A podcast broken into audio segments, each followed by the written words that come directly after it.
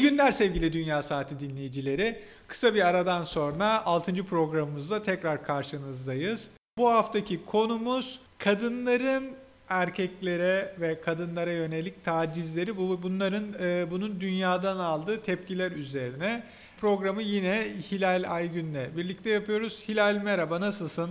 Merhabalar. Yine ilginç bir gündemle karşınızdayız. Bu kadınlara yönelik tacizin oldukça gündemde olduğu son birkaç yıldır Özellikle Hollywood'da bu başladı. Bu e, Me Too hareketiyle beraber Amerika'da. ve dünyanın çeşitli yerlerinde de e, karşılıklar buldu. Fakat şimdi ilginç bir e, durum var.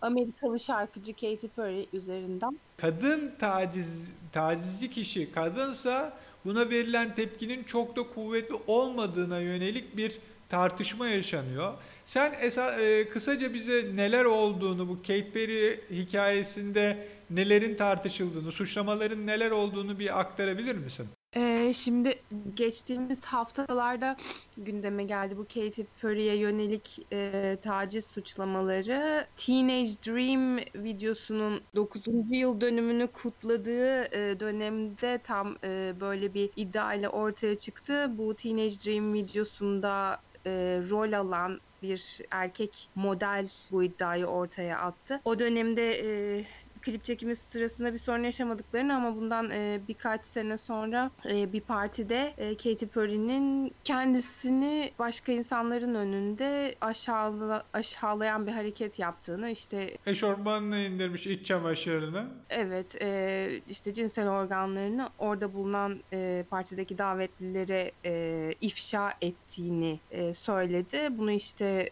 ben, ben, ben sanki onun malıymışım gibi e, bana davrandı diye aktarıyor bu erkek manken. Bunu e, dile getirdiği Instagram'da paylaştığı e, videosunda da şunu söylüyor. Şu an toplumumuzda erkeklerin kadınlara yönelik tacizlerine daha çok odaklanılmış durumda ama güç sahibi olan kadınlar da en az erkekler kadar iğrençler diye bir ifade kullanıyor. Evet ama bu tek bir kişi değil. Sonrasında sanırım iki kişi daha e, çeşitli iddialarla ortaya çıktılar. Evet, onun bunlar daha önceki e, iddialar. Ha, Bir tanesi evet dediğin gibi e, bu mankenin e, Josh Kloss e, adlı erkek mankenin iddiasından sonra e, sanırım bir gazeteci Rus bir gazeteci, kadın gazeteci. Evet, Rus bir kadın gazeteci yine Katy Perry ile beraber e, davetli olduğu bir partide Katy Perry'nin çok içkiliyken, çok alkollüyken kendisine istemediği rızası dışında işte dokunuşlarda bulunduğunu, dokunduğunu, e, kendisini öpmeye çalıştığını vesaire söylüyor. Bunun öncesinde yine birkaç yıl öncesine dayanan American Idol programında Bu Türkiye'deki yeteneksizsinizin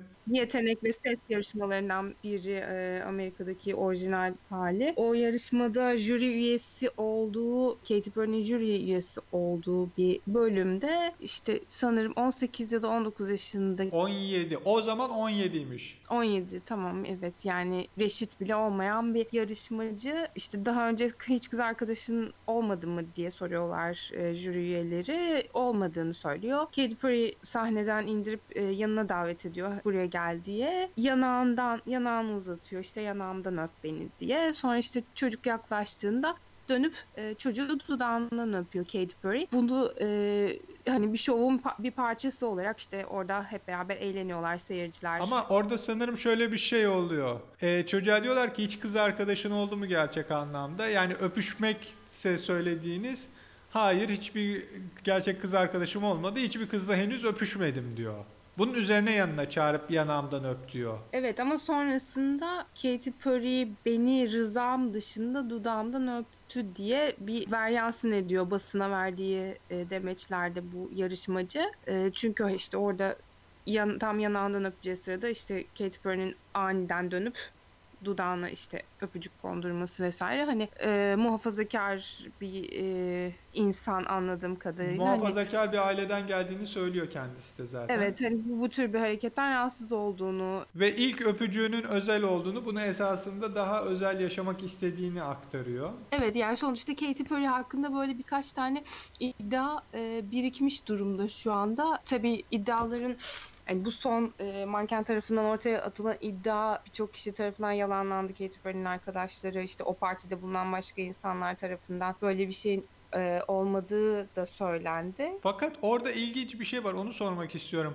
Bu Kate Perry'i savunanlar hani farklı bir şekilde de mankeni e, şey yapmaya çalışıyorlar. İddiaların asılsız olduğunu göstermeye çalışıyorlar galiba. Ee, evet çünkü bu videonun altında yapılan yorumlarda şöyle şeyler de var. Yani bu mankenin bir takım e, es- escort hizmeti veren bir takım sitelerde kadınlara hitap eden sitelerde kendisini escort olarak çalıştı. Yani es- escort olarak bazı sitelerde kendisini İş aradı.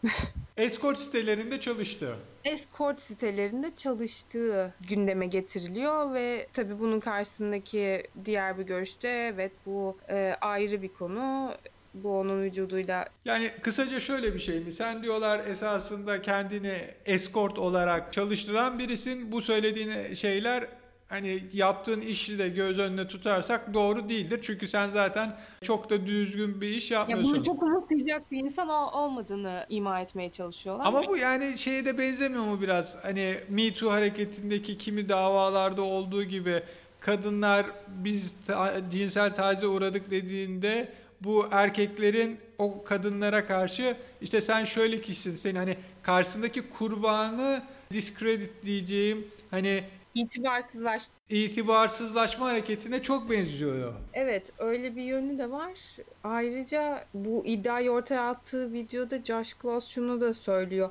Eğer madalyonun e, diğer tarafına baktığınız zaman eğer tacize uğrayan bir kadın olsaydım ben ve karşı taraftaki bir erkek olsaydı e, yine bana sessiz olmamı veya işte o adamın prestijini sarsmamak için sessiz kalmamı tavsiye eder miydiniz diye soruyor. Bence yerinde sorular çünkü Me Too hareketine destek veren kimi kadın yazarlar da, aktivistler de e, Kate Perry yerine başka biri bir erkek olsaydı albümlerinin satışlarının düşeceğini, kimi konserlerinin iptal edileceğini, bu durumun gazetelerde daha fazla yer bulacağını söyleyip esasında kadınlara yönelik bu iddiaların da aynı erkeklerdeki gibi gündeme gelmesi gerektiğini, cinsel tacizin tacizci erkek kadın kim olursa olsun aynı şekilde ele alınması gerektiğini ve sonunda mahkemeye gidilip mahkemenin gerçek mi değil mi karar vermesi gerektiğini iddiaların söylüyorlar.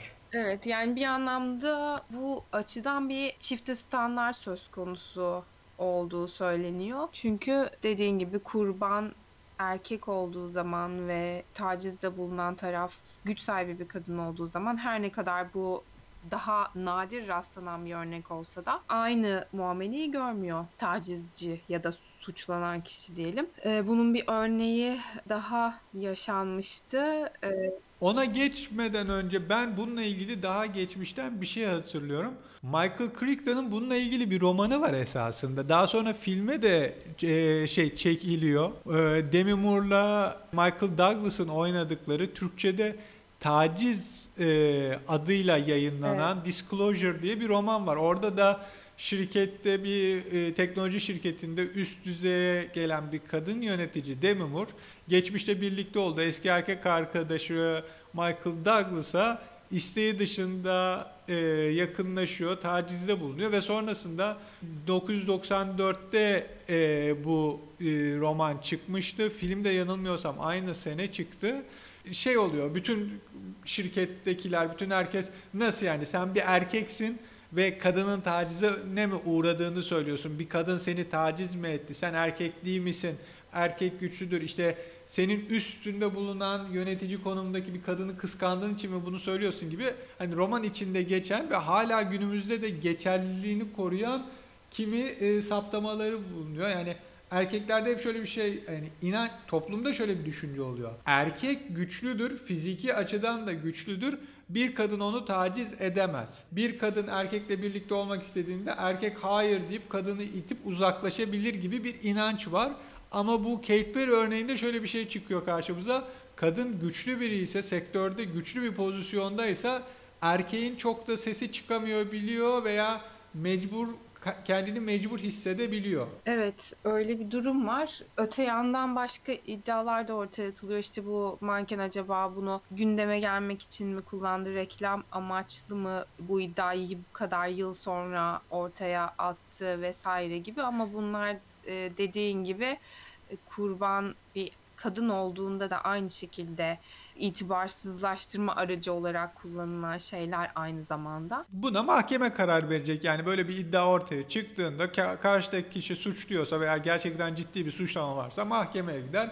Mahkeme karar verir. Yani adalet ve hukukun karışmaması gerektiği önemli olaylardan biri. Bu konuda başka bir örnek de e, Asya Argento. Evet. Oradaki durumun ilginçliği ise kendisinin aynı zamanda bu Me hareketinde ortaya çıkan e, taciz olaylarından birinin kurbanı olması, kendisinin Harvey Weinstein'ın tecavüzüne uğradığını söylemesi fakat diğer taraftan kendisinin de bir tacizci olduğu iddia ediliyor. Ejder'den Argento Me Too hareketinin öncülerinden diyebiliriz. Yani bu hareketin başlangıcını ya fitilini ateşleyen isimlerden biri. Ee, Rose McGowan'la beraber işte daha sonra bunlara işte Angelina Jolie'den tut Gwyneth Paltrow'a kadar çok daha büyük isimler de eklendi. Ama Argento işte aynı zamanda Harvey Yönelik ilk iddiaları ortaya atan kişilerden biri ve e, taciz de değil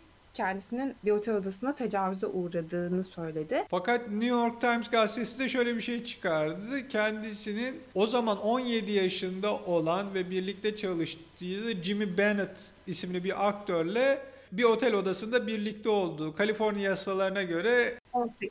Rıza, 18 yaşının altındaki kişinin rızası olsa bile bu geçersiz geçersiz sayılıyor ve 380 bin dolarlık bir para ödeyerek davayı kapatmaya yani bir anlaşmaya vardı. Evet yani bir sus payı olarak 380 bin dolar Ece Argento'nun avukatı tarafından Jimmy Bennett tarafına e, verildiği söyleniyor. Yani bunu New York Times haberleştirdi. Bununla ilgili e, belgelere dayandırdıklarını söylüyorlar bu haberi. Bu arada şu detayı da ekleyebiliriz. Ece Argento'nun Jimmy Bennett'a verdiği bu işte 380 bin dolarlık sus payını da daha işte geçtiğimiz aylarda intihar ederek hayatını kaybeden çok sevilen yemek programlarıyla ünlü Anthony Bourdain, Ece Argento'nun erkek arkadaşı. E, Anthony Bourdain bizzat e, bu olayla ilgilendiği ve işte bu sus payı dediğimiz bu paranın bu genç oyuncuya ödenmesiyle alakalı e, bizzat onun devreye girdiği söyleniyor yine New York Times'ın haberinde. Burada daha ilginç bir şey daha var. Senin demin söylediğin Me Too'nun öncü aktivistlerinden Rose McGowan Sonrasında Argento'nun işte bu Rain buluştuğu işte birlikte olduğuna dair bir mesajlar olduğunu söylüyor, mesajları gönderiyor. Ondan sonra McGovern ama Argento sonrasında McGovern'ı tehdit ediyor ve çok kötü yalanlar söylediğini iddia ediyor. Yani Me Too hareketinde birlikte hareket, birlikte olmuş iki kişi ama sonra biri tacizle suçlanınca diğeri de evet bu tacizde bulunmuş böyle elimizde şey deliller var dediğinde hemen karşısına şey diye çıkıyor. Sen yalan söylüyorsun, çok kötü şeyler söyledin gibi. Hani kurbanken olma, bir şeyin olması için çalışırken erkeklerin bunu yapmaması, farklı hareketlerde bulunduğu işte şeyler söylerken aynı duruma gidiyor ve aynı taktikleri uygulamaya başlıyor. Bu çok ilginç bir case o yüzden. Dediğin gibi burada da yine bir çifte standart. Üstelik Me Too hareketinin öncülerinden olan bir kadının bu tür bir çifte standart tavıra sahip olması bakımından e, ayrıca dikkat çekici bir örnek olarak karşımıza çıktı. Cinsel tacizin hem mağdur hem de e, saldırgan taraf olarak iki tarafında da bulunmuş bir örnek olarak Ece Argento ortaya çıkıyor, karşımıza çıkıyor. Yalnız bu e, erkek oyuncuyla o zaman 17 yaşında olan Jimmy Bennett'la e, yıllar önce bir filmde anne ve oğul olarak rol aldıklarında ilk kez tanışıyorlar. Bu olayda aradan yıllar geçtikten sonra yaşanıyor. 20 yaş küçük Aji Argento'dan. Evet yani farklı davalar var. Ee, güçlü kadınlara, popüler bilinen kadın figürlerin de tacizci olabileceğine dair iddialar var. Ama e, son olarak ben şunu söylemek istiyorum. Kate Perry ile ilgili yapılan savunmalardan biri de şöyle. Kendisi zaten çok egzantrik bir kişi. Hayatını da şov gibi yaşıyor. Hani biraz içki al, içki içtiği zaman kimi partilerde zaten bu hareketlerini hep görürüz. Kendisi hani partilerde veya belli ortamlarda bu iddia edildiği gibi davranan bir kişi. Yani biraz daha böyle bir yakınlaşmayı seven, dokunmayı seven, hani hayatı biraz şov dünyası gibi hareketlerin ayarını çok da bilmeyen bir kişi olduğuna dair de bir savunma var arkadaşları tarafından. Hani yani bu esasında taciz olarak değerlendirilmeyecek onun karakteri yakınlarının bildiği karakteri gibi deniyor.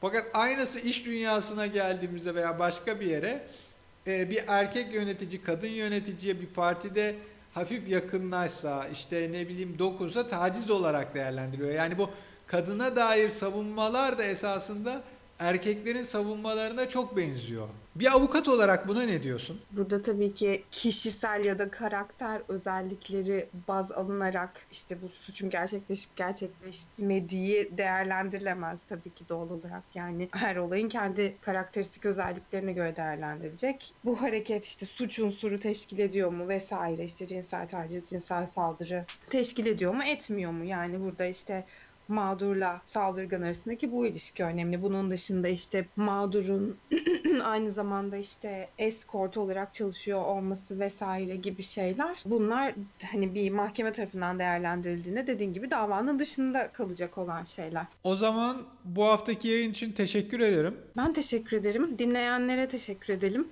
Bizi dinlediğiniz için teşekkür ederiz.